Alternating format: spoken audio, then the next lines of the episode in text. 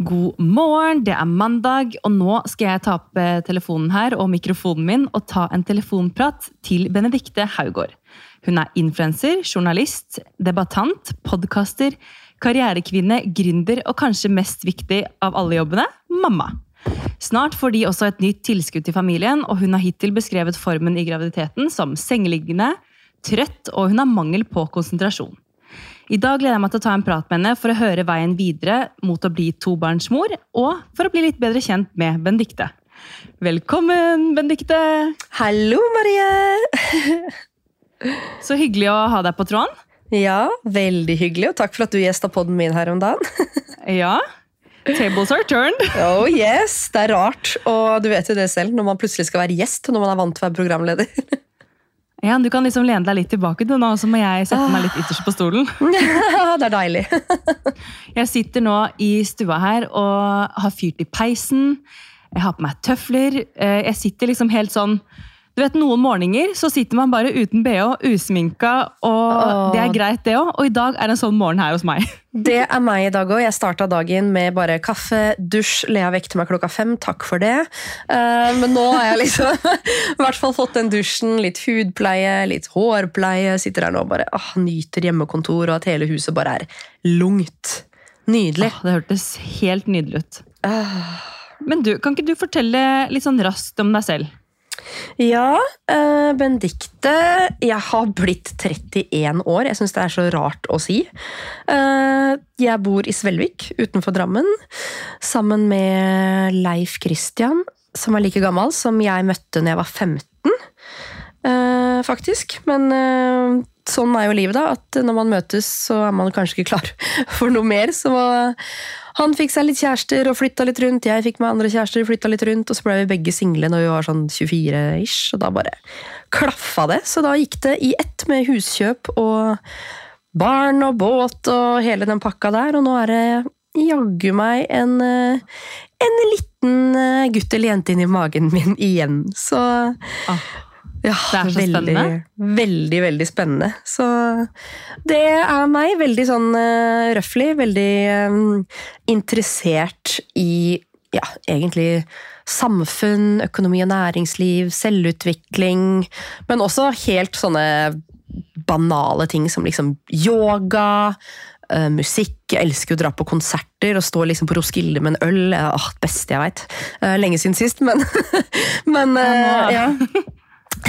Først mammaperm, så pandemi, og så blir det snart mammaperm igjen. Men eh, Ja, er det ikke rart? Det, er, Ja. det føles helt merkelig. Men det sånn, de som kjenner deg, da, vet jo at du er en dame liksom, med mye energi. Du er et ja-menneske. Hopper gjerne inn i en utfordring og er liksom ikke fremmed for å starte et selskap, gjøre en design-collab. og Du setter jo virkelig liksom krutt i alt det du holder på med, og det høres jo og ser jo hektisk ut for oss som følger deg eh, i dine kanaler. Så det jeg liksom er litt nysgjerrig på da, og er keen på eh, med den praten her, er jo liksom å komme litt, litt under huden på deg og få pratet litt og blitt litt bedre kjent med deg da, enn eh, enn sånn vi kjenner deg via sosiale medier. ja, jeg føler jo på en måte at jeg er veldig flink til å være åpen på sosiale medier. Om jeg har en dårlig dag, hva jeg går igjennom, alt det der. Men uh, selvfølgelig, det er jo et hamsterhjul. Det er jo ikke alt man liksom klarer å få fram. Jeg har jo et management, AdSales, som er liksom sånn Du er så varm og god, men det er ikke alltid det syns på sosiale medier. Jeg bare Fader, er jeg Nei, fordi du, du kan jo uh Du beskriver deg jo selv også som hardhudet, og du kan jo også virke det uh, utad for folk som ikke liksom kjenner deg. Men er det sånn du på en måte alltid har vært? Altså, Jeg har nok alltid vært litt sånn eh, take no bullshit-Benedicte, liksom. Men uh, veldig ofte på vegne av andre, kanskje ikke på vegne av meg selv. Uh, men det er jo liksom prega av ting som har skjedd i livet. ikke sant? Sånn som, det er jo ting som former hvordan man blir. Uh, det er jo selvfølgelig mye man deler på sosiale medier, og så er det veldig mye man ikke deler. Jeg har jo ja, et litt sånn eh, ambivalent forhold til uh, veldig mye forskjellige ting. Jeg har vært gjennom eh, en skilsmisse med foreldrene mine, hvor jeg kanskje ble brukt litt som et sånn skjold istedenfor å bli beskytta. Det gjorde meg selvfølgelig litt tøffere enn jeg burde vært, i en alder av liksom åtte. Eh, Jeg har liksom sett mye svik, utroskap, sett mye Sett og opplevd, da. Veldig mye vonde ting og svik. Eh, ikke sånn vonde ting i liksom sånn type ulovlige ting, eller noe sånt, men folk som har blitt svikta, folk som har svikta meg. Jeg opplevde liksom at kjæresten min lå med bestevenninna mi, og det har, det har vært liksom mye sånne hendelser egentlig fra jeg var 14, så jeg tror jeg bare er blitt litt sånn tøff av det, av å liksom må Jeg har måttet stå litt opp for meg selv, da, og beskytte meg selv og Ja. Jeg tror kanskje jeg er blitt litt sånn litt sånn tøff i trynet av det, men egentlig så er jeg jo Jeg ser på meg selv som en veldig sånn varm og raus person, men at det er litt sånn vanskelig kanskje å komme inn Egentlig ikke vanskelig å komme inn på meg heller, men at det er litt sånn vanskelig å få det fram, da. Via sosiale medier, for der blir jeg veldig fort den der samfunnsdebattanten som skal mene ting, og en sånn iskald karrierekvinne som bare hopper inn i ting og forhandler og men, men, det er jo altså sånn, det, det, trenger man jo også i samfunnet. Men hvis vi bare spoler litt tilbake til måte, de tingene du nettopp beskrev, da, som skjedde i livet ditt med folk du var glad i og hadde nær. altså sånn, mm. Var du like hard da, da disse tingene liksom sto på? Nei, absolutt ikke. Eh, spesielt skilsmissen. Da var jeg jo liten. Barn er jo liksom sårbare. Eh, men det gikk jo veldig hardt utover egentlig alt. Sosialliv, skole. Skolen ringte jo hjem og sa liksom at jeg klarer ikke å følge med, jeg spiser ikke. Og det holdt jo på sikkert i tre år. Eh, så det var jo veldig tungt at liksom familien, den nærmeste familien gikk fra å være liksom kjernefamilien til å ikke tåle trynet på hverandre. da, Veldig enkelt. Og nye folk som kom inn i familien som eh, ja, gjorde det egentlig enda verre, og man ikke trivdes verken her eller der. og ja, det var uh, veldig sårbart når jeg var ung, men jeg tror også det har gjort meg, som sagt, da veldig, veldig selvstendig, og etter hvert veldig sånn klar over at sånn skal ikke jeg ha det, sånn skal ikke dattera mi ha det. Eh, hun skal aldri oppleve noe lignende, skal aldri, hun skal aldri se meg krangle med noen. Hun skal ikke se meg krangle med faren hennes. Eh, ja, beskytte henne veldig da, i forhold til hvordan jeg kanskje burde blitt beskytta selv. Men mm. ja, det var Man tar med seg det det er sånn jeg kan kjenne meg litt igjen i at man, man, sitter jo liksom med en ryggsekk av, av en mm. bagasje fra barndommen sin, og så er man litt sånn Dette skal jeg ta med meg, og dette skal jeg absolutt ikke ta med meg. Og det er litt sånn det høres ut for deg òg. Ja, og så ble jeg litt sånn skremt, for jeg, liksom, jeg er fast bestemt på at sånn skal jeg ikke gjøre, sånn skal jeg ikke gjøre, jeg skal ikke gjøre sånn, jeg skal ikke bli sånn, jeg skal ikke ta med meg liksom, de featuresa fra de menneskene. Jeg skal ikke det. Jeg skal, ja. Og så leste jeg en studie nå at liksom, eh, du vet ikke helt hvem du er da, før du er 33. Det er da liksom, personligheten din og hvem du faktisk er, liksom, kommer til syne. Så jeg bare Oi. Ok, det er to år til da, før det virkelig heksa kommer fram. Da. Før det smeller. Åh. Men, men, hva slags, eh, hva slags måte, egenskaper er det du tar med deg på en måte, da, fra, eh, fra, den vanskelige tiden som har gitt deg styrke, som du på en måte har nå, som gjør, gjør at du har på en måte lykkes da, i bl.a. jobb? Eh, det er vel det at jeg er eh, altså På en måte så vil jeg si at jeg har følelsene veldig på utsiden. For jeg er ikke redd for å gråte foran folk, jeg er ikke redd for å si hva jeg føler. Eh, ikke noe problem med å liksom gå på Story og fortelle hva som skjer i livet mitt den dagen, eller sånne ting. Og være ærlig med folk jeg egentlig ikke kjenner også. Men samtidig så har jeg nok klart å bygge opp en sånn vegg som jeg kan skru litt av og på. Det høres jo veldig sånn kaldt og kynisk ut, men det er liksom ting som Altså, det høres veldig rart ut, med tanke på at jeg liksom er veldig sånn samfunnsdebattant. Jeg kan stå i debatten med Fredrik Solvang, jeg kan liksom stå og kjefte på folk på Dagbladet. Liksom, krangle med folk uh, hvis jeg har en sterk mening. Men egentlig, sånn i mitt personlige liv, da, med liksom, venner, familie, så er jeg ganske konfliktsky, og det tror jeg folk blir veldig overraska over.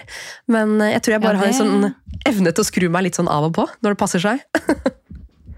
Ja, men det er jo, det er, man lærer seg jo å være tilpasningsdyktig, da. Og liksom Én ting er jo på en måte prate om samfunnsrelaterte ting, men så er det noe annet når du står foran eh, en av dine nærmeste venner eller mor, mm. eller altså, et eller annet sånt, så er jo på en måte følelsene addet på i tillegg, så da blir det kanskje litt vanskeligere å være like eh, Hva skal jeg si?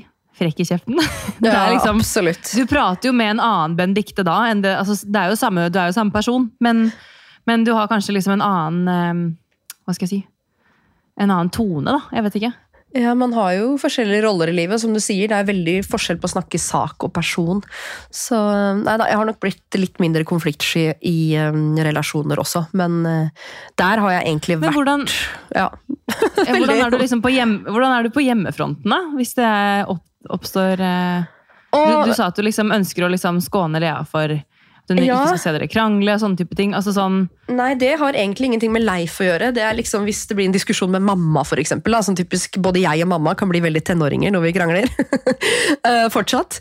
Um, Så det gjelder egentlig ikke Leif. Jeg husker jeg gjesta en episode um, av eh, Sykt ærlig med Martine. Og da fikk jeg så mye meldinger etterpå, fordi jeg sa i den episoden at jeg og Leif ikke krangler. Um, og det høres jo sikkert litt sånn sykt ut, men, eh, og det er ikke fordi jeg er perfekt, eller han er perfekt, fordi gud hvor mye vi har krangla med eksene våre. Men mm. vi krangler ikke. Det er eh, Ja, det høres veldig sånn eh, fasade og overfladisk ut. Og det er nesten så jeg blir litt sånn ikke tør å si det, men jeg tror vi har hatt én eller to krangler på syv år. Så hjemme så er vi veldig men hvordan, hvordan, eh, hvordan eh, holdt jeg på å si, differensierer du krangel og diskusjon, da? Nei, det er det, da. Altså- vi diskuterer egentlig ikke så mye heller. Eller i hvert fall sånn, vi kan diskutere ting Dere kan være Eh, uenige på en måte og ja, ja. prate om ting. Men det blir liksom aldri noe høylytt, eller at den ene smeller i noen dører, den ene drar, den ene legger seg sur, den ene er lei seg. Nei. Så jeg tror vi egentlig begge to tror vi begge to er litt sånn at det er ikke Altså, vi er, vi er følsomme begge to, men det er ikke noe vits i å sitte liksom og dyrke ting. Skjønner du hva jeg mener? Og Nei. liksom tweake på følelsen. Liksom, hva er det jeg føler nå? Og gro den følelsen og liksom lage noe ut av den. Det er litt sånn «Nei, Vet du hva, det her var en bagatell. Det her, går, det her kommer jeg fort over. Og så er det sånn at han har sine feil, jeg har mine feil. Vi aksepterer de. Um, det tok jo litt tid, men et godt eksempel der er jo Jeg er altså elendig. Det er det som kanskje irriterer han mest med hele forholdet. Det er to ting. Jeg trenger mye søvn. Jeg har en eh, autoimmun sykdom, lavt stoffskifte, som gjør at jeg noen ganger bare skrur meg helt av. Um, og det er ikke det som irriterer han, selvfølgelig, for han respekterer jo at jeg har den sykdommen. Uh, men det er liksom når han, sånn som i dag, da kommer hjem fra nattevakt, og så kommer han liksom hjem og må kjøre Lea i barnehagen fordi jeg hadde en dårlig ja, en sånn dårlig start på dagen da, med sykdommen min og sånt. Um, Og det, han aksepterer det, men jeg skjønner jo liksom at okay, han er jo kaputt. Han er basically en zombie. Det er kanskje ikke trygt engang at han kjører, men han gjør det. Og at jeg aldri tømmer søpla. Altså det verste jeg veit, spesielt etter forrige svangerskap, jeg vet ikke med deg, men lukter. Ja, det er helt Altså, ekstremt. Det er så ekstremt. Jeg brekker meg av alle mulige lukter. Til og med liksom, Om jeg tømmer, om jeg nettopp har spist mat fra en ildfast form, og jeg heller det som jeg nettopp har trøkka i gebisset, liksom, oppi en søppelpose, så er det søppel, og da begynner jeg å brekke. Ja, men du, det er helt sykt. Altså, sånn, Ja. eh, Et godt eksempel. I går så kjøpte jeg Jeg fikk så lyst på ja, Det er også en annen ting. I går så skulle jeg på butikken, var litt småsulten. Det er jo kjempelurt når du er preggo, ikke har spist ordentlig. Da, altså, jeg endte opp med å handle for 600 kroner. Og jeg hadde ikke, jeg hadde ikke middag engang. Det var chips, det var ost og kjeks. sånn. Det var druer, det var eh, sjokolademelk, og det var liksom det var, Jeg vet ikke hva jeg egentlig kom med med, men vi har i hvert fall snacks til eh, flere uker her. Man blir så rar når man er gravid, og jeg er sånn, jeg tåler ikke, tåler ikke søppel, liksom. Jeg nekter. Det går ikke an at jeg går inn i det søppelskapet og knyter den posen og tar den med ut. Det skjer ikke, og det syns jo han er utrolig frustrerende at det skal være så vanskelig for meg. Og så syns jeg det er dritirriterende at han aldri skrur av lys og lukker dører inn til bad og sånn, for jeg bare ok, har du sett strømregningene? Liksom, kom igjen, da!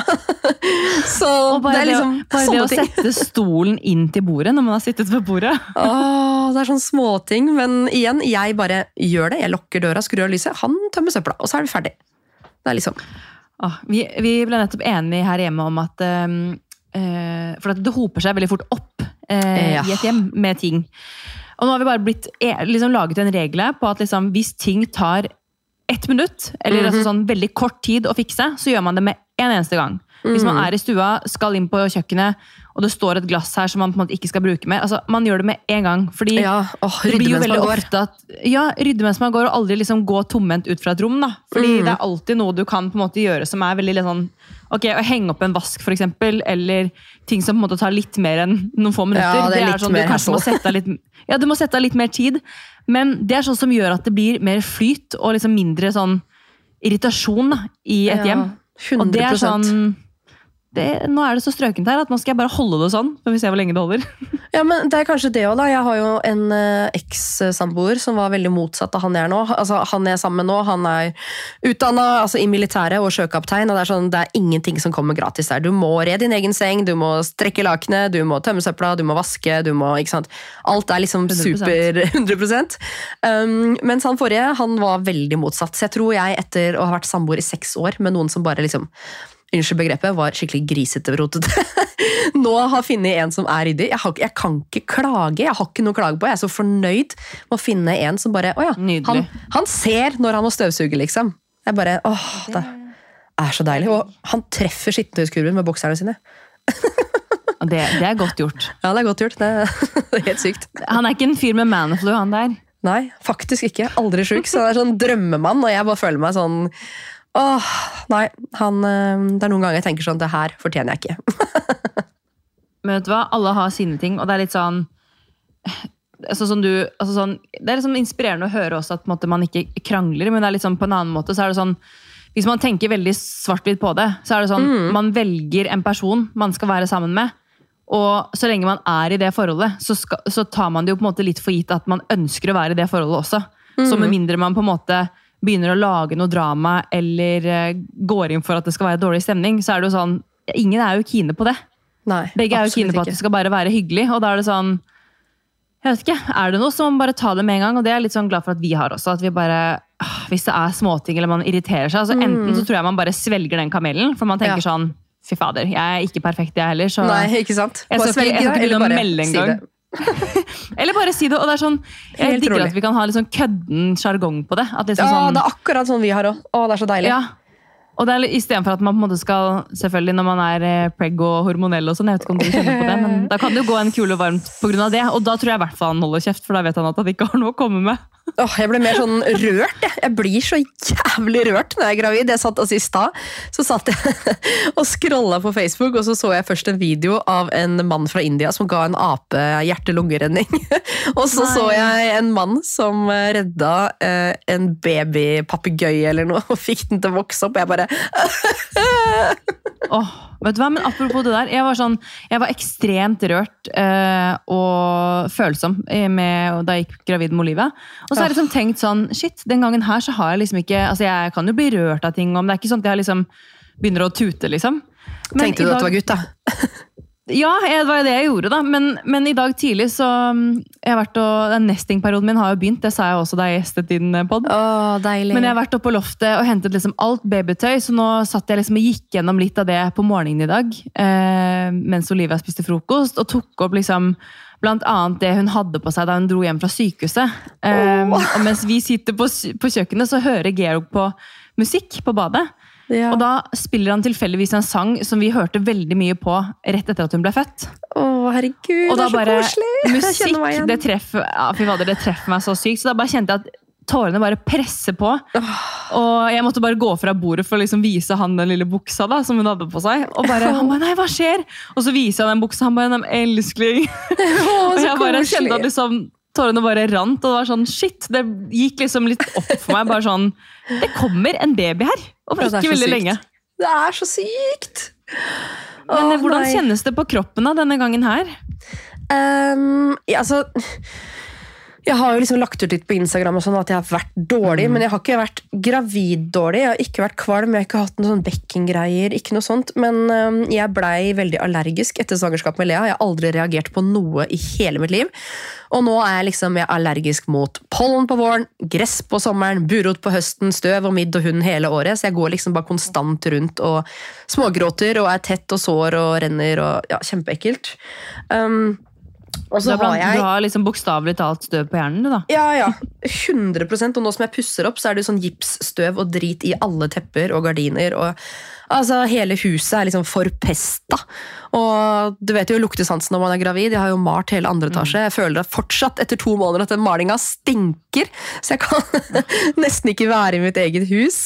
Um, og det gir meg jo hodepine, så det er liksom så mye sånne rare greier. da. Og så er det jo kjent at man får dårlig immunforsvar når man er gravid. Det er vel et eller annet for at man ikke skal frastøte seg barn eller noe sånt. Um, Og fordi jeg har lavt stoffskifte Ja, ikke sant? Og fordi jeg har en autoimmun sykdom da, og har hatt kyssesyken, så er immunforsvaret mitt altså, Det er basically ikke-eksisterende. Så jeg har jo fått alt av liksom spysyke, um, influensa, alle mulige forkjølelser og virus og ah, Herregud, nei.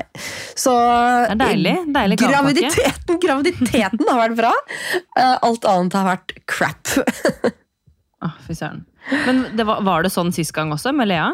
Nei, eh, da var jeg helt fin faktisk fram til jeg var seks måneder. Og da fikk jeg jo liksom en eh, bekkenløsning, låsning, symfyseløsning. Jeg følte egentlig at bare underlivet ramla fra hverandre. Ler. følte meg som et skjelett som var delt i to. Det var helt grusomt. Uh, Så jeg hadde yoga og svømming annenhver dag de siste tre månedene av svangerskapet. Så, men bortsett fra Og det, det så?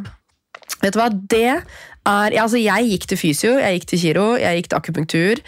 Eh, Jeg brukte så mye penger på å bli bra, og det eneste som fungerte, var annenhver dag svømming og gravidyoga. Seriøst. Det var Det er jo åh. veldig bra. Altså sånn, jeg eh, begynner å kjenne det litt i bekkenet, og jeg har ikke vært noe god på, på altså Jeg er veldig aktiv i løpet av en dag. Jeg, liksom, jeg sitter veldig lite mm, på ræva, holdt jeg på å si. Altså sånn, med tanke på fotojobben min, så er det sånn Det er stort sett event, eller at man er ute og går, eller at man er på en shoot. Og så stå, er, blir man jo stående i stillinger i liksom mange, mange Ja, ja.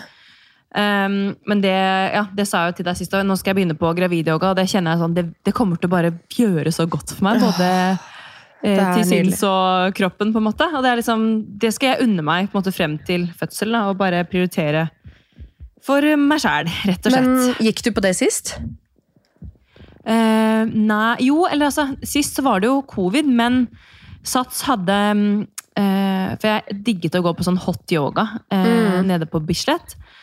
Eh, og de fikk jo ikke, jeg fikk jo ikke hatt hot yoga ute, men jeg gikk på yoga faktisk eh, nesten fast på sånn utetimer, da. Eh, med avstand og det var liksom Og det var veldig deilig å gjøre, liksom. Jeg tror jeg gjorde det frem til sånn ja, syv-åtte måneder, tror jeg. Og så bare syns jeg liksom det begynte å bli Jeg vet ikke. Det var liksom ute på betong, ikke sant. Så det var liksom litt Jeg syns det var litt hardt. Men eh, måten jeg egentlig holdt meg i form på sist, var egentlig bare å gå. Altså Jeg gikk så ekstremt mye. Jeg tok på meg joggesko, tok med meg sekken min og gikk ut til Bygdøy. Altså sånn, Jeg gikk og gikk og gikk og gikk. Og det tror jeg liksom var det som holdt meg gående. da, Gå på liksom ulendt terreng, gå på sti. altså Mm. jeg elsker Deilig. å gå. Altså, sånn, det er liksom min terapi også. Bare ta på en podkast og gå, egentlig. Så um, Nydelig. det skal jeg fortsette med. Ikke bare gå rundt og ta bilder på jobb, men faktisk Mm. Eh, Gå i skog og mark og liksom, ja, som ja. du sier det, ulendt terreng tror jeg er veldig bra. Men eh, nei, yoga jeg, er liksom løst. har jo gått på yoga fast i fire år nå. Um, og det er altså det beste for kroppen, spesielt hvis du er litt stressa. Bare det å sette av den ene timen til deg selv og puste mens du strekker, og du bare kjenner liksom at kroppen blir mindre vond.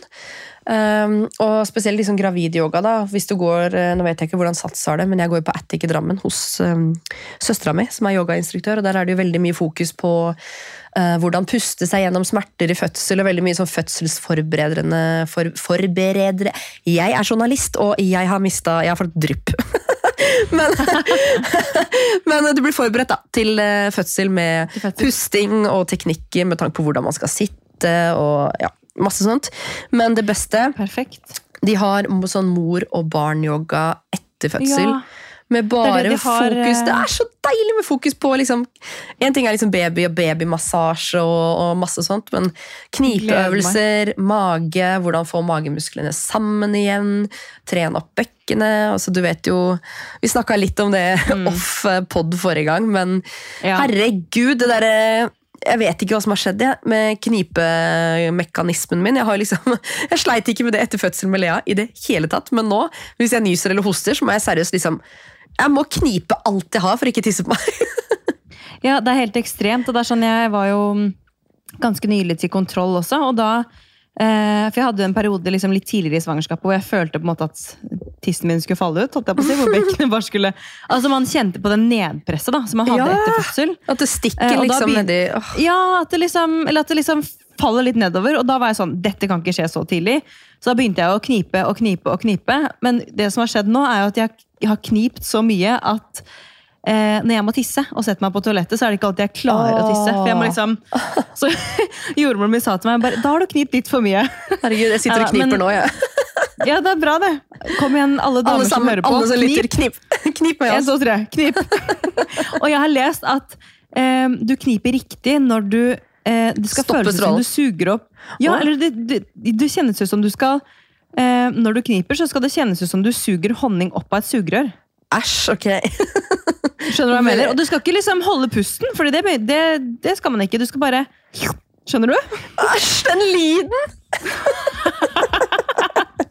Jeg var sånn Honning i sugerør. Bare den, det Ja. bildet der nede i trusa mi, det orker jeg ikke. Poenget er i hvert fall knip og eh, Ja, bare knip. Men i hvert fall tilbake til gravidyoga da, og yoga generelt, så har jeg en liten fun fact. Og det er at mitt første møte med yoga, det er faktisk med din søster. Nei, På seriøst? Attic i Drammen. Ja, da jeg jeg tror jeg gikk i sånn 9. eller 10. klasse på ungdomsskolen. Da begynte jeg på fast yoga på mandager eh, på kvelden. Og jeg tror det var fra sånn halv ni til halv ti. eller noe sånt. Ja. Og Da var det helt nydelig å bare ligge på det gulvet og bare sånn halvveis sovne. Før Ja, man dro hjem og la seg. Det var-. Så det er eh, litt av shout-out der til Silje. Ja, faktisk, for hun gjør så mye ut av det. Det er varmekabler, det er stearinlys, det er oljer. Det er liksom, åh, det er så nydelig! Ja, og det gjorde hun back in the days òg. Da var det liksom, det var stearinlys rundt hele gulvet der. Da var jo Attic ovenfor Rema 1000, vet du. ja, ja, ja. Gamle Attic. Herregud, så gøy. Mange gode minner der. Jeg var jo der også faktisk, eh, ikke bare hos Silje, da, men jeg danset jo faktisk der også fra liksom jeg var fem til jeg var 16, tror jeg. Så, Ikke si at du gikk på hiphop-kurset til Thomas, du også. eh, jo, det tror jeg fader meg jeg gjorde. Herregud, kanskje vi har gått på hiphop sammen? Det kan godt være. Jeg gikk både so på hiphop, jazz, Ja, moderne. På freestyle, masse disco, forskjellig. Gøy. Da har vi sikkert gått på samme. Tenk Så deg det. sykt. Det er så rart at vi begge er fra Drammen, og så føler jeg liksom ikke at jeg har sett deg før.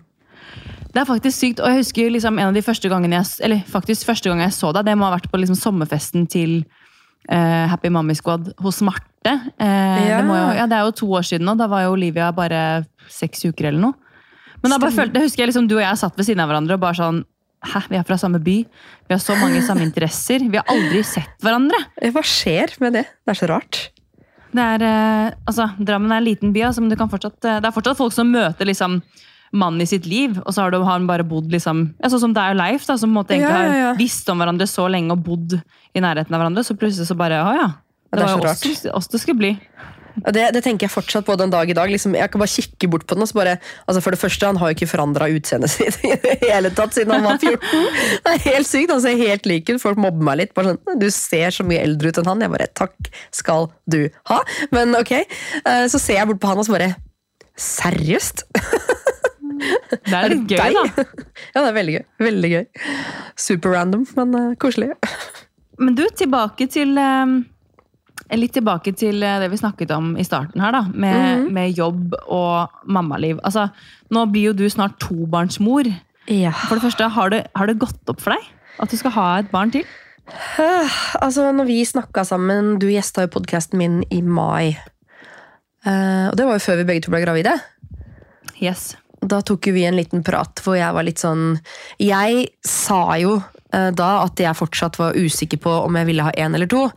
Eh, Men da hadde jeg jo egentlig bestemt meg for at vi ville ha to. Jeg ville bare ikke gå ut med det. sånn at Jeg ville ikke legge noe press på livmora mi. hvis du skjønner, sånn jeg vil ha to, nå prøver vi. Um, Da, da føler man at det ikke går fordi man har sagt det høyt. Ja, ikke sant? Men uh, vi bestemte oss jo for Altså, jeg har vingla så fælt. Øh, jeg har vært veldig åpen om det her. Jeg syns det har vært litt sårt når folk spør. Det må folk slutte med, forresten. Slutt å spørre. Uh, skal du ha barn? Når kommer nummer to? Når kommer nummer tre? Når kommer Altså, jeg bare uh, Slutt med det. Um, Ikke sårt fordi jeg ikke kan få barn, men sårt fordi jeg ikke visste. Uh, Fordi svangerskapet med Lea det var veldig tøft. Ikke pga. Liksom fysiske plager, men jeg ble jo utsatt for et overgrep en måned før eh, jeg blei gravid. Eh, Hele svangerskapet så sto jeg i advokatmøter, det var rettssaker. Plutselig så ble det en tvistesak på jobben. Eh, Veldig mye som skjedde i privatlivet. Og jeg har liksom vært sånn Jeg har slitt med å separere svangerskapet fra alle de ytre faktorene. Jeg har liksom sett for meg at hvis jeg får et barn til, så går jeg tilbake igjen til that state of mind, hvis du skjønner hva jeg mener. Ja, Som du hadde det da, på en måte? Ja, men det har jo ingenting med graviditeten å gjøre. Og når det liksom gikk opp for meg, da Hva er det du driver med da? Nei, sorry, jeg kom bare borti en pose her. Hjemmepod for life. buddhist. Ja, hjemmepod. Men, uh, Beklager. Nei, nei, herregud. Men uh, nei, når jeg klarte å separere de to tingene, da, at det der har jo ingenting med en baby eller et svangerskap å gjøre, så var jeg litt sånn Herregud, vi må gi Lea et søsken. Vi er jo basically enebarn begge to. Jeg er jo ikke enebarn, men som du vet, Silje, søstera mi, er jo så mye eldre at vi har jo aldri bodd under samme tak. Um, så bestemte vi oss da for at etter bryllupet til eh, bestevenninna mi, som jeg lovte at jeg ikke skulle være gravid i, for da skulle jeg være partymaker number one, um, så lovte, eller lovte vi, ja, så sa vi at vi skal prøve etter det. Og da satt den på første forskudd, første forskudd, forskudd første skudd i midten av juni der. Så det var rett etter vi hadde podda sammen. Så Men det er jo helt sykt, for jeg husker liksom Jeg husker at selv om du sa at du var liksom usikker, mm, så husker jeg fikk en følelse av at hun vil bli gravid igjen. Det var akkurat som at jeg bare visste det. Og det der er så merkelig, fordi før jeg også ble gravid selv, så var det to stykker som skrev til meg. Hun ene skrev sånn, hun var gravid selv, da. Hun bare I natt så drømte jeg at du eh, ble gravid. Og jeg var sånn Å, morsomt, liksom.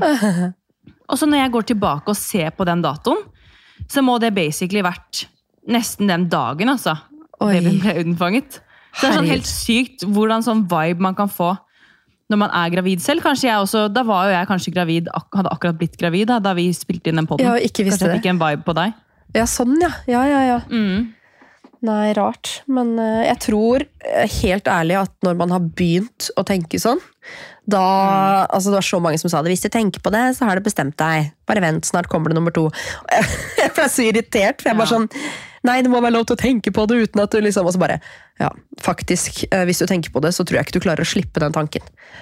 Så, Nei, at hvis du, altså hvis du er i tvil, så er du ikke i tvil. Det har alltid vært mitt. mm, Det Nemlig. har jeg lært, lært av Georg. oh, Nei da, så det er sånn det blei, men nå Herregud, den overgangen altså Det var liksom planlagt, samtidig eh, ikke. Jeg trodde jo for det første ikke at det skulle skje så fort, fordi jeg satt jo da mens jeg var gravid og ikke visste det, da, eh, så satt jo jeg med tegninger på det nye hjemmekontoret. Jeg hadde liksom booka maler, bestilt meg i sofa, nytt skrivebord skrivebord, alt mulig rart. Så nå sitter jeg her Det skjer i jo mens man minst venter det, vet du. ja, men Det er irriterende, for nå sitter jeg her i et nyoppussa, dritfint hjemmekontor, og så vet jeg at uh, om noen måneder så er det her barnerom, og jeg må kaste alle ting alt jeg på seg. og finne et sted å ha det. Bare! Ja, men hvordan tenker dere sånn fordi det, Hvordan tenker dere sånn med ting? altså sånn, Skal dere kjøpe mye nytt? Skal dere liksom ha, altså, Kommer dere til å fikse det barndommet med en gang? Eller hvordan, hva tenker dere rundt det? Og altså, første gang med Lea um, Det er så rart, jeg vet ikke om du kjenner på det selv, men jeg er så mye mer redd i det svangerskapet her enn det var i det første, for da var jeg så uviten. Jeg bare sånn, Selvfølgelig går det her bra. Eh, Men nå, jeg vet ikke hva det er, men jeg tror algoritmen min, spesielt på Instagram, torturerer meg. Jeg får bare opp familier som har mista barna sine, og spontanaborter og dødfødsler. Jeg får bare opp sånn i feeden min, og jo mer du nærer på det, jo mer sånt får du. Eh, og det er helt grusomt, så nå er jeg plutselig sånn superbekymra for alt. For med Lea så sto jo liksom barnerommet klart etter 20 uker. alt var kjøpt inn. Ja. Rommet var ferdig. Um, sånn er det ikke nå. Eh, jeg tror jo selvfølgelig fortsatt at det går bra, men eh, jeg har liksom ikke den derre samme behovet for at alt skal være klart. Og så vet jeg jo at det det barnet trenger, er meg og puppen min. Det er nettopp det. Så um, Og det er sånn, Jeg også er nok litt mer altså jeg er faktisk litt mer avslappet den gangen her. mm, Jeg også var sånn, eller sånn, Nå sa jeg jo til deg at nesting har, nestingen har begynt. Men det er den, koselig. sånn- Ja, det er veldig koselig, og jeg føler sånn Når jeg har liksom fikset praktiske ting, så føler jeg at liksom det som faktisk skal skje, at det kommer et barn, eh, det, det klarer jeg liksom ikke å forberede meg nok på. Det må bare komme. Så liksom, det, alt det andre jeg kan gjøre, det gjør at jeg liksom får litt mer ro, ro i sjelen. da. Ja, det er Um, sant. Oh. Men samtidig så er det jo sånn, ok, når jeg tok frem de, det barnetøyet her, og sånn, så er det jo bare for å finne ut liksom, hva er det vi egentlig mangler. Eh, men sånn, vi har jo ikke noe barnerom nå til den andre babyen. Vi har et veldig stort soverom selv, som vi kunne egentlig basically bygd om til to, men så er det litt sånn Vi vet jo ikke hvor lenge vi skal bo her, og Mm. den babyen kommer jo til å sove på rommet med oss ja, frem til jeg i hvert fall slutter med nattamming, tenker jeg. Det var det Mm. vi gjorde med Olivia. For da flyttet vi jo da hun var sånn syv måneder eller noe. Så da ville vi ha henne på rommet med oss, og hun skulle bli vant til ny nye leiligheten. Og så tenkte vi bare sånn, ok, men nå venter vi bare til hun skal vi skal vende av nattamming. Og da var jo det liksom en ny overgang.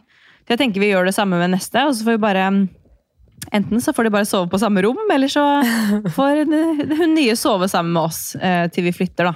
Ja, Lea er jo liksom forberedt på at vi skal kjøpe køyeseng, jeg skal sove oppe, babyen skal sove nede. Eh. Du må nok vente noen år før den babyen kan dele køyeseng med deg. Skal vi se, jenta mi. Men eh, Men skjønner hun at, du, at hun skal bli storesøster? om hun skjønner Herregud, jeg trodde ikke det var mulig at en treåring kunne liksom skjønne så mye. Men eh, nei da, hun eh, Altså, vi sa jo med en gang til hun at eh, 'mamma baby i magen'. Og det var jo kanskje det dummeste, for hun løp jo rundt til alle vi møtte. Den hemmeligheten var jo ikke godt Det var ikke bevart. hemmelig. Neida, så vi var jo på båttur, hun løp rundt til alle vi var på tur med. løp rundt til alle vi møtte liksom, nedover Sverige. Hun har sagt det til hele barnehagen, hun har sagt det til alle liksom, før det hadde gått tolv uker. Og jeg bare, å gud, nå er det veldig mange som vet det, sånn i tilfelle noe skal skje. Men ok. Um, og hun er liksom Så helt stolt, da. Ja, vet du, hva, Hun er så obsess av å se på ultralydbildene. Og hun er liksom 'Jeg skal mate babyen, vi skal bade med babyen, babyen skal sove hos meg', 'Jeg skal bytte bleie på babyen, her er bamser til babyen'. Samla sammen leker som babyen skal Åh. få. så nei, Det hun er jo um, veldig søtt. Supergira. Så var hun veldig Stakkar. Det er en jentebaby, hvis det er guttebaby, så begynner jeg å gråte. Jeg bare å, Nei, herregud! men Ikke legg press spent, på livmora mi. Jeg er veldig spent på kjønn, fordi da vi snakket sammen da jeg gjestet din pod for noen Mhm. uker siden, eh, da eh, skulle jo du på eh, ordinær ultralyd. ja. Har du, lyst, har du lyst til å dele med meg og alle de andre som hører på den podkasten her, hva slags kjønn som er inni der? ja, først vil jeg høre hva du tror.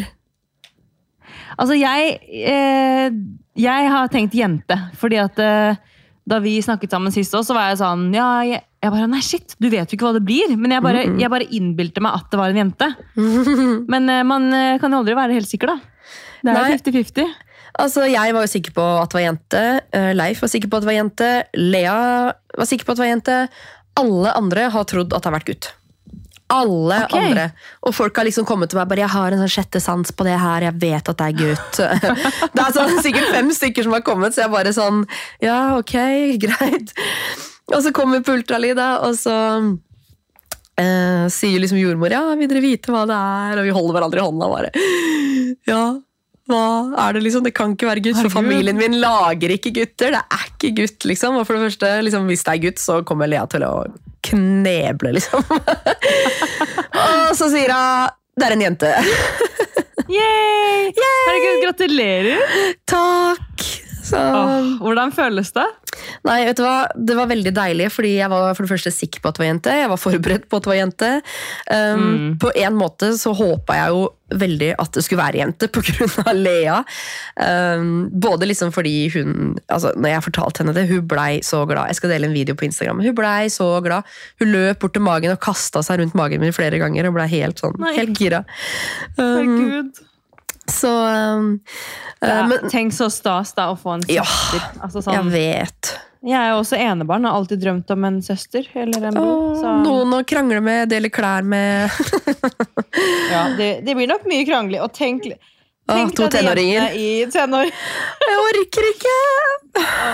En ting er sånn, Man hører sånn Ja, men gutter er så mye mer voldsomme, vet du. Og er så mye mer, det er så mye mer slitsomt. Så tenker jeg bare sånn Ja ja, men uh, bare gi meg Bare gi meg 10-12 år, du, jenta mi. Så, Jeg tenker litt på det nå. tables are Sånn, turned. jeg var uh, sikkert en jævlig tenåring, så tenker jeg skal jeg møte meg sjøl i døra ganger to? Åh, Åh, tenk når du har vi 16-åring og én en 13-åring. Gud, ja, Tenk, har- vi skal få gjennomgå. Fytti rakkeren. Men det kan vi ikke tenke på nå. Nei, det orker Men, jeg faktisk ikke. Hvis, hvis jeg fortsatt har den poden her om eh, om tolv år, da, da blir det andre gjeste? problemstillinger. Da skal jeg gjeste. Lage en pod sammen. der eh, ja, da skal vi sitte der, ten, Tenåringsmødre. tenåringsmødre. Å, lord. Sitte der med rødvinsglasset vårt og bare sånn Åh. ja. Jeg, Jeg tror kommer sikkert til å være den som kjører Altså sånn, kjører og finner ut hvor de er, vite alt, stå i buskene. Stalker. ja. Men samtidig ikke, for det er sånn Man må jo bare velge å stole på det, da. Ja, så vil du ikke eh, være liksom den Du må jo tenke litt sånn Hva var det du ville ha, og hva var det du trengte selv når du var tenåring? Sånn Jeg hadde jo liksom egentlig en veldig fin balanse av kontroll og av liksom sånn Ja, hører du klingrer i veska di, men det er bedre at du tar det med herfra enn at du liksom drikker hjemmebrent. Så det var liksom en sånn Mm. fin balanse på Ja. Men eh, Det er sånn, man skal, off, er det ikke sånn man skal være liksom Man skal være litt døv og litt blind, men man skal Ja. fortsatt være veldig våken. på en måte. Ja, 100% Nei, jeg har en, Nei. en ung onkel og en tante som har vært dritflinke med oppdragelse, så jeg bare ser så opp til de, hvor kule de barna har blitt. De, liksom, de kan bare fortelle foreldra sine absolutt alt uten filter. Og jeg er bare sånn, det er nesten litt sjukt, men også litt digg. Ja, det er sånn Det er jo sånn man vil ha det. Man vil at barna skal kunne komme og dele alt og prate om alt. For det er sånn Ja. Det er jo ikke noe man vil mer egentlig enn å ha kommunikasjon sammen med barna sine. da. Nei, da må man jo bare starte nå, da, og prate om alt. Bare sørge for Ja, at man må det. Ja. Men herregud, de det føles det, så tidlig når folk sier sånn, begynn fra tre-fire års alder. Jeg er bare sånn, hæ? Uff, hva i alle dager? Ja, ja, ok, Jeg føler Man må bare om... gjøre det som er, liksom, altså sånn, det som er naturlig. Altså sånn, Ja. Hvis ting blir liksom unaturlig for deg og på en måte påtvunget, så tenker jeg sånn, da merker jo barna det òg. Ja, men det er jo så rart, for de er liksom så De er så åpne for alt, da. De bare liksom, du Mm. kan si hva du vil, fortelle om hva du vil, og alt er bare sånn superinteressant. Mens De bare, «Å, ja, det er jo vi som mm. syns alt er kleint. Det er Ja, de de. vet jo ikke bedre, på en måte. Nei, nei, nei. Så det er jo bedre å liksom ta det nå enn uh, ja, når de er eldre. Men uh, nei, den tid, den sorg. Vi får bare sørge for at de um, er trygge på oss, og hvis de står i en kjip situasjon, eller Ja, altså alltid lyst til å være den mora man kan ringe, da. Sånn hvis noen har driti seg ut på fest, eller hvis noen har blitt smelt på tjukka, eller hva som helst, så kan man ringe mammaen til Lea, eller mammaen til hva enn det andre barnet skal hete, liksom. Mm. Ja, det er Så- sånn man vil ha det. Mm. Men altså, nå er det jo at Tiden går jo veldig fort nå. Nå, er det, nå sitter vi begge to snart som tobarnsmødre. Altså, Ja. hvordan, hvordan tenker du på liksom, fødsel den gangen her? Altså, har du noen forventninger? Åh, ja, jeg var jo på um, var jo på ultralyd, og så fikk jeg vite at morkaka ikke bare ligger foran, men at den ligger veldig langt ned. Og hvis Hva den betyr det? Det betyr rett og slett at hvis den ikke Det er veldig vanlig at den vokser oppover. Um, men hvis den ikke vokser oppover, så blir det keisersnitt, og jeg vil ikke ha keisersnitt! Så det er en sånn bekymring som jeg kjenner at jeg bare må legge litt til side. Jeg orker ikke å ha det nå, for jeg vil ha en sånn skikkelig revansj på første fødsel, for den var uh, Altså, hun kryssa av for sånn traumatisert etter første fødselsskjema, liksom. så um, Det er skikkelig, skikkelig deilig flaks du har hatt. Hatt. har det. det, det. Jeg er kjent for å ha flaks. Not. Men er det noe man kan gjøre da, når morkaken ligger sånn? Nei, det er ikke noe sånn vending eller ytre vending eller sånt som man kan gjøre hvis barnet ligger feil. Det får man ikke gjort så mye med, men eh, det er veldig det vanlig skjer, at den, liksom. ja, men det er veldig vanlig at den vokser oppover med livmora, da, for livmora skal jo også strekke seg opp liksom, over navlen. Så får bare, mm, men jeg blir jo kalt inn på kontroll. Vanligvis så har du liksom ikke noen flere ultralyder omtrent etter uke mm, 20, men eh, jeg skal på ultralyd er det hver tredje eller hver fjerde uke nå. Å, det er Så- såpass, ja. Mm. Bare for å følge med at det ikke ja. Følge med på, på morkaka, og så fikk jeg jo svangerskapsforgiftning på overtid forrige gang, så de må jo følge med på det også. Uh, så ja da, det blir litt ekstra oppfølging, men jeg kjenner at det egentlig Ja, det er egentlig greit, for det Nei, det var eh, uff, Fødsel det, vil ikke skremme folk som er gravide, men når du mister så mye blod, og du bare liksom tenker at 'nå, ha det bra, nå dør jeg', liksom. Det, det er ikke noe god følelse, men det, heldigvis har jeg den innstillinga at jeg skal ha revansj. Nå skal jeg bare Ja, kalle min indre urkvinne, og Mother Earth og stå og puste meg gjennom og ah, Vi får se, da. hva, hva vil du ta? Altså, sånn, du, er, du har jo gått en del på yoga, og liksom, du, du forberedte deg jo også veldig liksom, godt sist med tanke på det Mm. kroppslige. Altså, sånn, hvordan, hvordan tror du at du kommer til å forberede deg den gangen her versus forrige gang? Nei, det blir jo det samme. Gravidyoga, mye svømming for å løsne opp i liksom hofte, bekken, hele den pakka der. Utrolig bra trening, yoga og svømming uh, før fødsel. Um, pusteøvelser, box breathing, puste seg gjennom smerten. Um, det Altså, Man kan jo si at det funker fysisk, men du føler jo ikke liksom en sånn Jeg skal ikke ljuge og si liksom at ah, det lindrer alt. Det lindrer jo ingenting. Men det gjør at du liksom hvert fall jobber med kroppen. fokuset, Da. da. Ja, og så jobber du med kroppen istedenfor imot. Hvis du liksom holder pusten og stritter imot, så skjer det jo ingenting. Ja, det så, vil man ikke. Nei, så det er jo det. Men har du noen apper for det, eller hvordan, altså sånn pusteøvelse, Hvor er det du lærer det? holdt jeg på å si? Er det gjennom yoga? Nei, jeg har jo lært det på yogaen, ja. Så fire år med yoga. Ja. Så, men eh, det er vel eh, Jeg vet ikke. Det er jo garantert noen apper for eh, pusteøvelser. Jeg hører veldig mye på podkasten til Belinda Jacobsen, Becoming. Der er det jo mye sånn box Mm. breathing-øvelser og litt sånn forskjellig, så det er også et lite tips. Men Det må jeg sjekke ut. også det her med å ta litt mer kontroll under fødsel. fordi Første gang så var man litt sånn, hva har man krav på, egentlig? Hva kan man be om? Hva kan man spørre om? Hva er det som egentlig finnes av smertelindring? Hvilken stilling man skal stå i, og sånne ting. Um, så det å følge andre jordmødre på Instagram Uh, og hun Eva Rose Birth, hun fotografen som fotograferer fødsler, hun gir også veldig mange tips. Men uh, å følge doulaer og jordmødre på Instagram, som gir mye tips til liksom um, hvilke stillinger da, som eh, gir babyen litt mer fri ferdsel ned be- bekkenet enn andre. Ofte så ligger man jo liksom bare på senga med beina i været og tenker at nå skal det fødes, fordi det her er det jeg har sett på film. Men det er jo faktisk ikke den stillinga som er mest naturlig for kroppen vår å føde i. Så det å gjøre litt sånn research på det. Og så har jeg et tips som fungerte som bare rakkeren. Og det er druesukkertabletter. Oi, hva skal Ja. det hjelpe mot? Druesukker er jo noe som er i energidrikker. Eh, hvis fødselen varer lenge, min varte jo 32 timer. Um, og Ja, det er en stund. det er en stund. Var det fra vannet gikk, liksom? Eller? Nei, vannet mitt gikk ikke. Jeg ble satt i gang pga. svangerskapsforgiftning.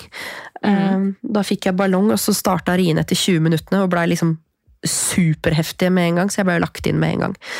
Um, men eh, etter en så lang fødsel så er jo kroppen sliten. Du har kanskje ikke klart å få i deg så mye mat, så mye drikke.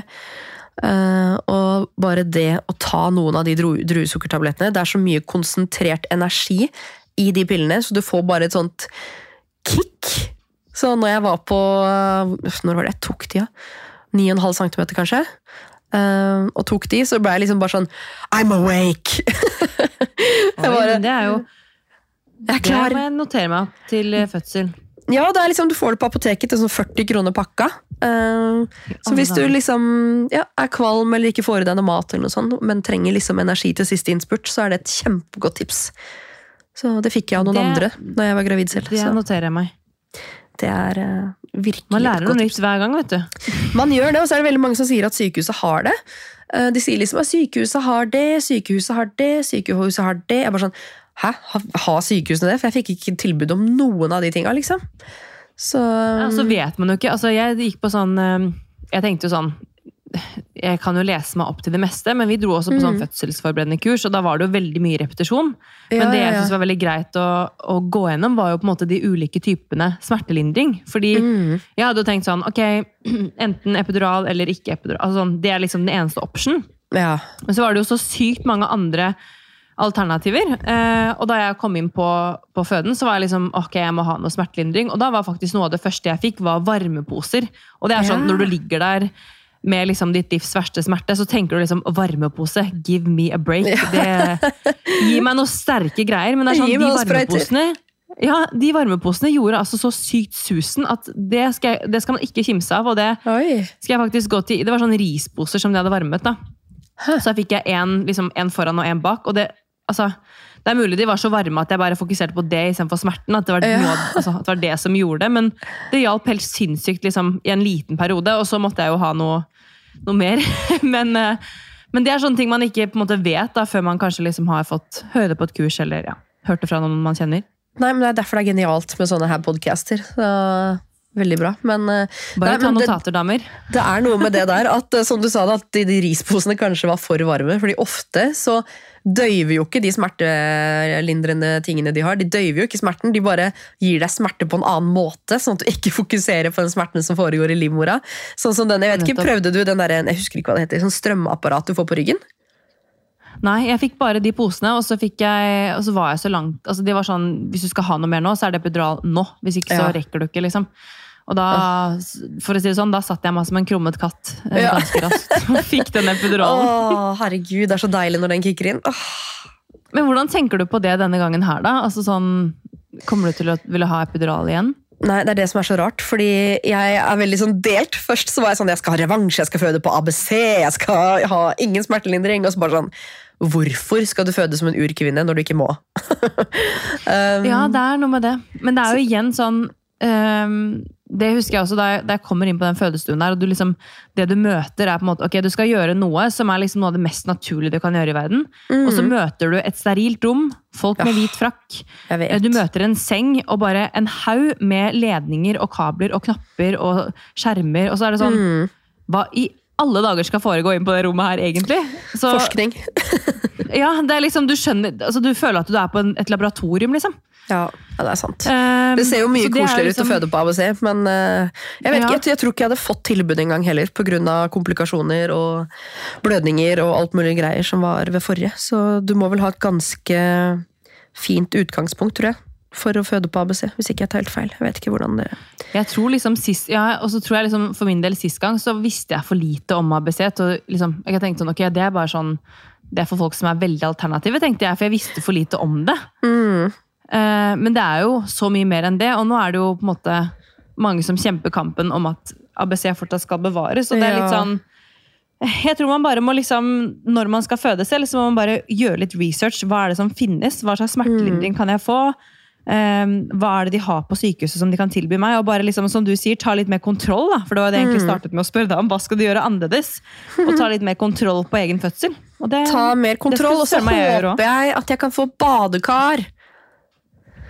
Åh, jeg elsker jo å ligge i badekaret til vanlig. Jeg husker Forrige svangerskap så lå jeg jo i badekaret i glovarmt vann hver dag liksom, på slutten. Eh, og det lindra jo alt av bekkensmerter og kynnere og Nei, alt. Så jeg håper jeg kan eh, Jeg har lyst til å ligge i badekar, og kanskje til og med føde i badekar, hvis det går. Men eh, det ser helt nydelig ut. Skal du, skal du på Drammen igjen, eller? Har du Ja. sett deg inn der? Ja. Ja. Mm. Det Det er en liten kjøretur fra Svelvik, da, hvis du plutselig setter i gang. Ja, altså det er jo det som er Du tenker jo ikke at når du har hatt en 32 timers fødsel, så tenker du ikke i dine villeste tanker at du kommer til å få dårlig tid ved fødsel nummer to. Men det er jo som de sier, da, at Nei. plutselig så kan man føde på badet, liksom. Du vet jo aldri hvor fort det går. Fordi du er så innstilt på at det skal gå sakte. Men der har jeg en fordel. da, det er at Kjæresten min er jo sjøkaptein, så han er faktisk kursa i å ta imot barn. Oi, er det sant? ja. Så, eller han har vært på kurs med jordmødre. blir, så eh, Kanskje det blir eh, Leif som tar imot? ja. Tenk Nei, så vilt, da. Gud. Jeg kan godt ta imot, men da skal det være trygge rammer på sykehuset, helst. Ja, Det skjønner jeg. Det skjønner jeg. Men du, det er ikke lenge igjen, og vi, får, eh, vi må ta vare på den siste tiden her nå. For det er sånn, man vet jo aldri, kanskje dette er siste gang vi går gravide. Og Mm. vi må virkelig bare ja, nyte det òg, så, så godt det lar seg gjøre. Ja, nei, vi må det. det. Det blir nok min siste gang, tror jeg. Jeg vil ikke Ja. oppgradere bil og hus og alt. det er så Nei, mye. Logistikk. Åh, logistikk. Men du, Men, eh, Benedikte, vi er nødt til å runde av, men helt på slutten så kommer vi oss ikke unna Hot Mama-tips. Ja, det var det, da. Ja, så jeg lurer på om du har noen bra tips til eh, lytterne? Altså, I fare for å repetere Silje Gundersen, som var hos deg for noen uker siden, så er jeg jo veldig opptatt av hudpleie. Og bare det å gidde å stelle seg bitte litt. Eh, Jeg er også tilhenger av å ikke sminke meg. altså La huden puste. Jeg sitter med hjemmekontor, jeg sminker meg absolutt ikke hver dag. Men å rense huden morgen og kveld, ta på seg noe digge serum, noen kremer, masker Ta litt vare på liksom, hvert fall hår og hud og negler og de tingene der. Um, så går alt annet litt grann smoothere, syns jeg. Så veldig sånn overfladisk, men øh, bare føle seg Nei, noe må bare føle seg vel, rett og slett. ja, men litt fresh. At man liksom lukter godt, da. Første svangerskap så følte jeg liksom at hele meg og soverommet og alt bare lukta surmelk, siden jeg var sånn åpen buffé og spruta i alle retninger. Men bare det å liksom, ok, da starter vi dagen med nytt laken og liksom ny, fresh kropp. Da, ok, here we go. Nå kan jeg overleve liksom de neste 24 timene. Så Nei, bare det å ikke liksom ha dotten på huet og eh, stinke sur melk, hvis du klarer å unngå det, så føler man seg ganske mye mer hot mamma enn eh, hvis man lar være. Hvis man gir helt beng. Du, det er faktisk veldig gode tips. og det er sånn det er ikke så mye som skal til, men bare litt effort, så føler man at man møter dagen og utfordringene på en litt annen måte. Mm. Helt sant. Tusen, tusen, tusen takk for at du tok deg tid til å gjeste Momlife. Det var veldig Så håper hyggelig. du får en eh, superfin uke, og lykke til fremover. Og så kanskje når det nærmer seg, da, at vi kan ta en ny innspilling og prate om eh, fødebag og ting som eh, vi må huske på når det nærmer ja. seg. ja, der trenger jeg en sparingspartner. Ja. Men det er heldigvis litt tid til. Vi har litt tid til å gjøre mer research på druesukkertabletter og og så videre. Åh, ja. Putt det i fødebagen, sier jeg bare. Putt i fødebagen. Men du, hvis folk ønsker å komme i kontakt med deg, hvordan når de deg da? Da finner du meg på Snapchat og Instagram på at benediktehaugårdno. Perfekt. Yes. Da får folk tune inn der. Mhm. Og så får vi snakke snart igjen, og så får du ha en fin uke. Eh, Jo, og takk for at du kom. Tusen takk. Ha det! Ha det.